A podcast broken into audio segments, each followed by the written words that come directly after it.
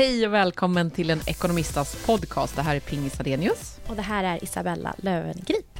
Och varmt välkomna till fjärde året av en Ekonomistas podcast. Mm, Väldigt häftigt fort. att sitta här år ja, efter år. Precis, och jag kommer på att jag har ju jag har ju bytt bank varje år inför vi har kört en ny säsong. Du har känt att du måste det? du måste stå för förändringen här. Men vi har en sponsor med oss som vi hade förra året också. Mm, så vi vill börja med att säga ett eh, stort tack till jämförelsesajten kan man säga, eller mm. tjänsten Lendo, där du kan kolla upp dina krediter och tjäna mycket pengar på att vårstäda helt enkelt din ekonomi. Mm verkligen kul också med Lendo att ni är med den här säsongen igen och ja. tror på oss och vi tror på er och vi tycker det är en bra och transparent tjänst framför allt. Eh, det känns rätt just in, nu. Ja, men där du mm. kan gå in och, och, jämföra och se själv. Eh, det är en väldigt öppen och rak och tydlig tjänst, så det, det hyllar vi. Tack Lendo. Börsen är upp 3% i år, Isabella. Har du gjort några bra aktieaffärer? Ja, nej men absolut, det tycker jag. Jag, är, jag, har, eh, jag har gjort om i min portfölj väldigt mycket sen mm. Eh, jag startade att köpa aktier. Så många av de aktierna som jag köpte i början har jag inte kvar. Men eh, jag köpte ju tidigt ICA-gruppen mm. och tycker att jag gjorde en väldigt bra affär med dem. Mm. Och sen så de aktierna som jag ägt längst har ju varit H&M och Knax Nordic. Och det som kan vara kul för er som lyssnar faktiskt är att det är mycket på gång för oss som ekonomister när det gäller aktier. Dels har vi två Facebookgrupper sedan relativt nyligen. Mm. Det är mm. snart 50 000 medlemmar i de här grupperna. Mm. Eh, så det är, eh, finns både en mer generell ekonomista Facebookgrupp om man gillar privatekonomi aktier och en lite mer avancerad eh, för den som vill prata mer nischat kring investeringar och aktier. Och sen har vi också en ny bok på gång mm. om aktier som kommer till Bokmässan i höst. Precis, Aktiedrottning. Mm. Men det är ju så roligt och um, du och jag vi har alltid brunnit för, för privatekonomi och har velat mm. inspirera med det med vår bok Ekonomista och grupperna på Facebook heter ju också Ekonomista. Mm. Men vi har ju också märkt vilket stort intresse det har funnits kring just investeringar och aktier. Och um, jag kommer ihåg att i början så var många på Twitter som var men behövs det verkligen en grupp för kvinnor och aktier? Men men är det 50 000 medlemmar i de här grupperna, det tyder ändå på att, att intresset finns och det också behövs kanske ett ställe där man kan eh, få lära sig från grunden. Där det också finns en, där det inte blir så elitistiskt utan man, man tillåter varandra få ställa de här så kallade dumma frågorna. Och det är väldigt brett och det som är roligt också tycker jag i den här gruppen mm. är att det väldigt mycket är eh, kvinnor som hjälper kvinnor. Mm. Man stöttar varandra, man föder ett positivt intresse. Mm. Eh, vi har alltid förordat det här att du ska ta dina egna beslut och du ska lära dig själv och göra din egen analys.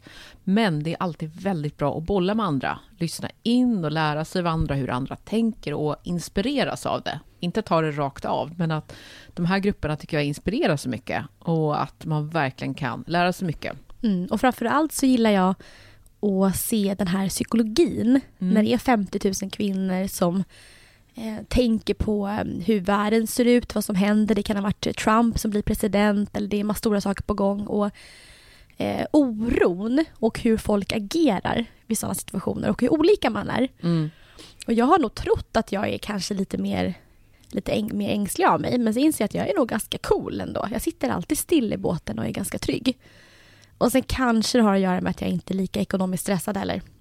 Har du varit ekonomiskt stressad tidigare, tycker du? Nej men det är klart att det har skett en förändring i ekonomin som har gjort att man är, att man är tryggare. Och jag vet att skulle min, eh, till exempel nu när jag ser att H&M har gått ner mycket och att det, det påverkar ju min, min portfölj mycket. Men jag, ser, men jag, men jag känner ju inte att, eh, en ångest när jag ska gå och lägga mig på natten. Och jag vaknar inte upp kallsvettig mitt i natten och tänker hur fan ska jag få förlåt, hur ska jag få råd med... Ja, alltså var lite ditt språk Isabella. Säga bara. ja, men, och det är väl det som är kanske grunden till hela Ekonomista. Att försöka skapa sig en ekonomisk balans i livet där man inte behöver vakna just så här kallsvettig. Och det tyder väl på ganska klokt att, eller ändå att jag ändå har hanterat min ekonomi klokt. Att de pengarna jag har investerat på börsen är pengar som jag inte behöver ha ångest för. Utan det, det finns också en buffert. För jag bara tänker mig också att nu har ju du, eh, eller vi båda har ju investerat i aktier i många år. Kan det också ha en betydelse? Att det inte bara handlar om att jag har fått en bättre privatekonomi, utan att man har varit med om några turer och ja, börsen de senaste åren, om man ser till, mm. om man börjat placera de senaste åren, har ju börsen varit ganska, eller är skakig. Det är mycket upp och ner. det händer väldigt mycket i omvärlden och om man går tillbaka till att aktier ändå är att man äger andelar i bolag så har man ju verkligen fått smaka på att omvärlden påverkar så mycket. Att trots att jag har köpt andelar i ett stabilt eller bra eller snabbväxande bolag mm. så kan det fara upp och ner som tusan för att börsen påverkas så mycket av Trump och allt annat, Brexit. Verkligen. Ja, absolut. Dels är det den erfarenheten, men sen tror jag också att vad har jag för mål med mina investeringar? Och det här är ju mina pensionspengar. Och då har jag en väldigt stor tilltro att, att det löser sig om 40 år. Så på så sätt så är jag nog lite lugnare. Men det har också gjort att jag börjat tänka på vissa av de innehav jag har kanske inte kommer hålla i 30-40 år. Och då pratar jag främst om H&M. Och där har jag nog för första gången börjat liksom tvivla lite grann på min strategi och hur jag tänker med dem. För att, kan vi prata lite om H&M? Ja, absolut. H&M är den vanligaste aktien för kvinnor att äga i Sverige. Så det, det förvånar mig inte. Nej, och, och det gör ju också att jag kan tänka mig att det är många som kanske är lite sömnlösa om man har liksom dragit på för mycket. Och så min H&M har varit det tyngsta bolaget i min portfölj. Och det är väl idag jag börjar känna att, att jag kanske inte ska, ska låta den vara så stor.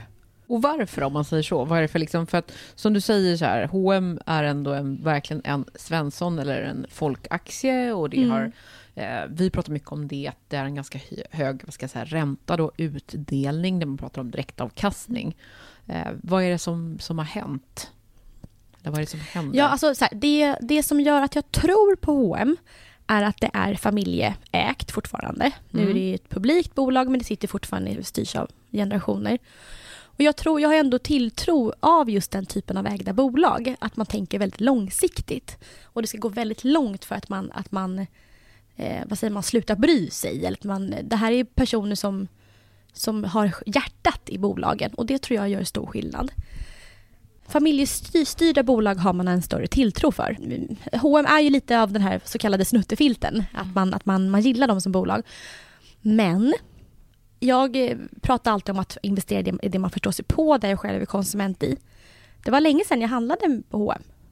Och det var lite skrämmande, för vi pratade ju eller, om att alla är en analytiker. Mm. Du behöver inte lyssna på aktieanalytikerna eller liknande. 50% av dem har fel.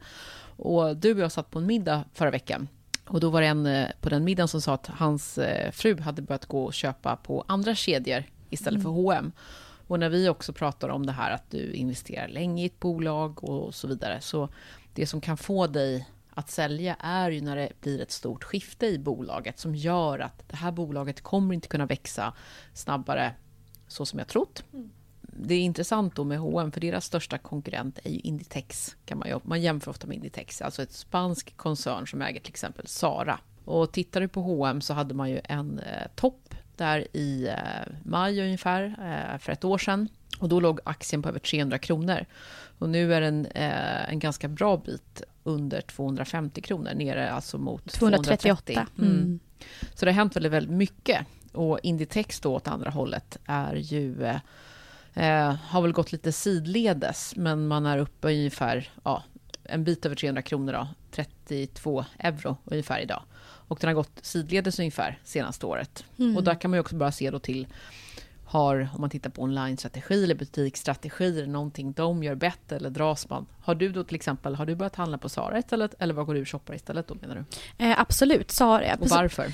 Ja, men precis, ja, men de, dels är det ju att, att konkurrenten har, har, har dragit om rent e-handels eh, upplevelsen, hur det funkar med själva logistiken. Där ligger H&M absolut efter.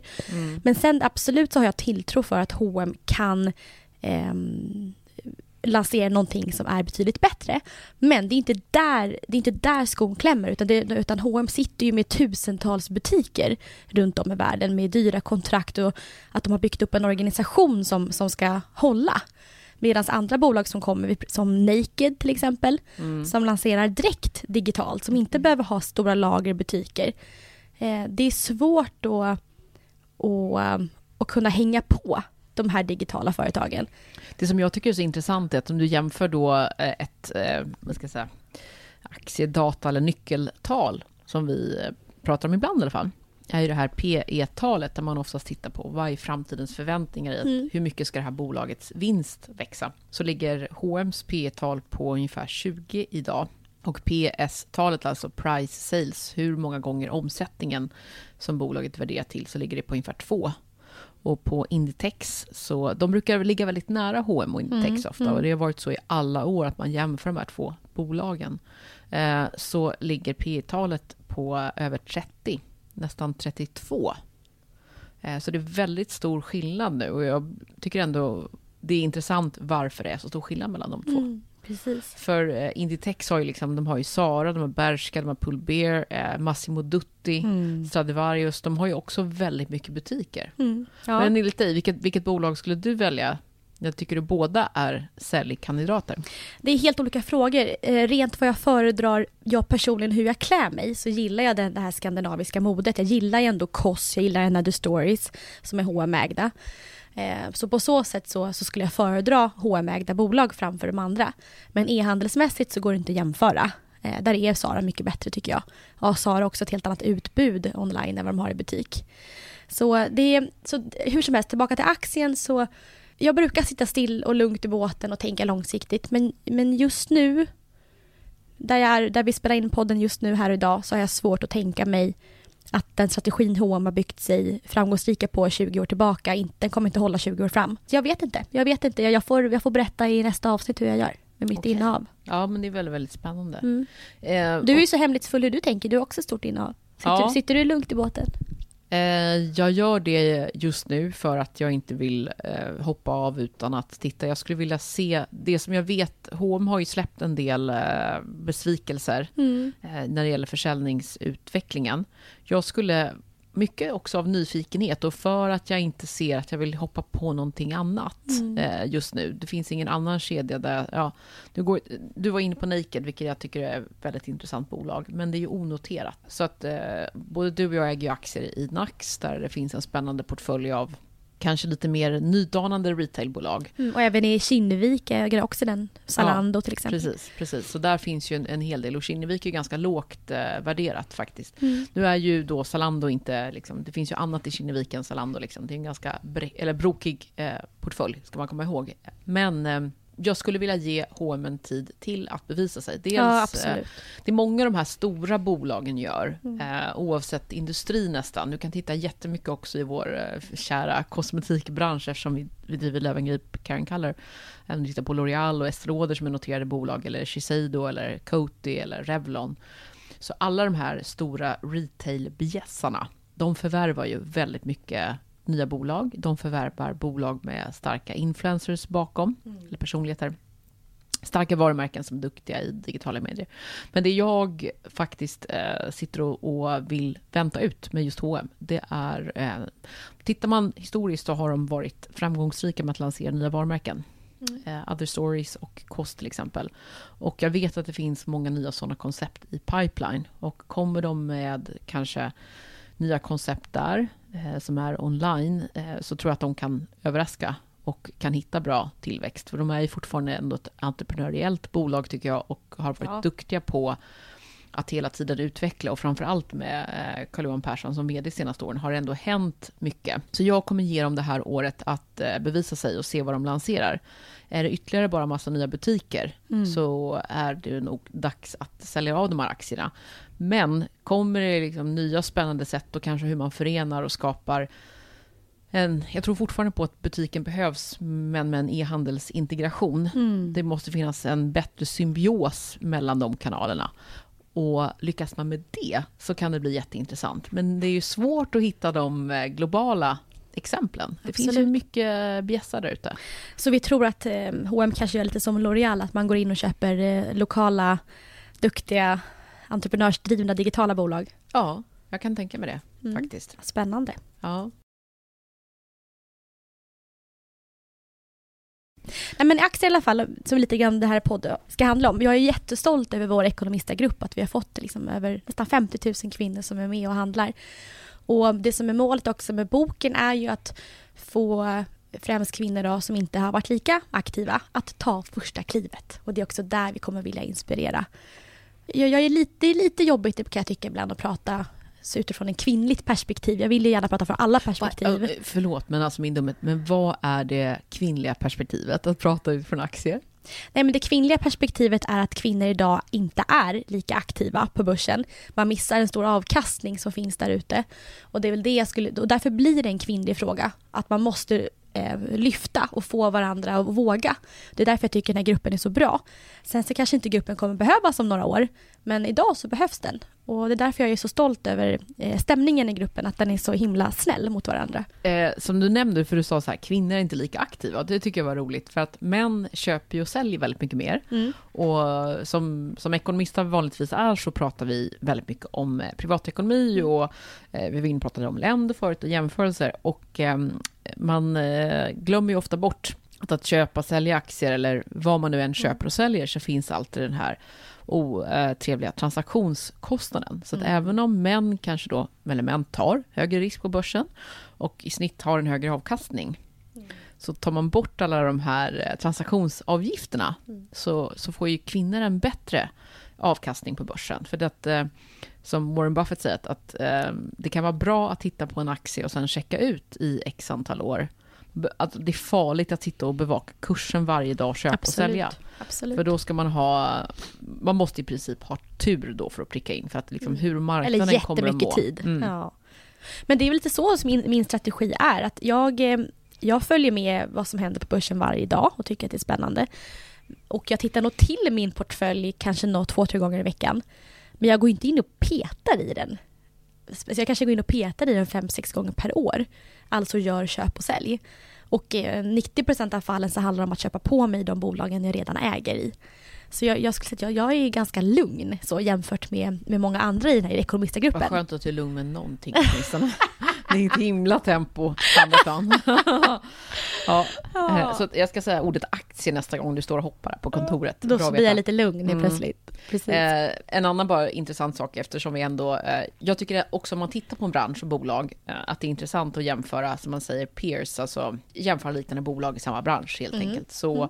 vi är inne på det här med vad varje omsättningskrona i, i uh, olika bolag är uh, värderad till. Mm. Så Inditex är den dubbelt så mycket som i H&M, över 4. Och P talet alltså 32. Mm. Det är alltid väldigt intressant att, att, jämföra bolag i samma bransch. Om vi pratar bank eller vi kanske pratar servicebolag eller vi, vi, vi pratar industribolag eller vad det nu än är. Skog eller fastighetsbolag. Eh, några andra branscher som du tycker är, är spännande just nu om man eh, tittar på trender och, och, saker som händer i omvärlden eller något annat som har hänt dig privatekonomiskt? Ett område som jag inte har valt att gå in i, eh, som jag gärna skulle vilja gå in i, har, har ju med fastigheter att göra. Och det finns ju så många olika sätt som man kan köpa aktier i. Det finns ju det här Tessin, tror jag det mm. heter. Mm. Det finns ett annat bolag som jag tycker är lite intressant som heter Prime Living. Mm. Eh, som köper in små stora så här, det ser lite ut som eh, Ja, men det, det, är ett nytt sätt att bygga, bol, eller bygga hus på som är lite mer som ett, ett lego. Hur man klickar ihop och det kan få ner kostnader mycket och öka. Det är perfekt när man bygger studentbostäder. Och jag kan väl känna att det är någonting jag gärna skulle vilja eh, kanske någon gång vara med och äga aktier i. Det finns ju också stora fastighetsbolag som sitter på bra utdelningar och sådär.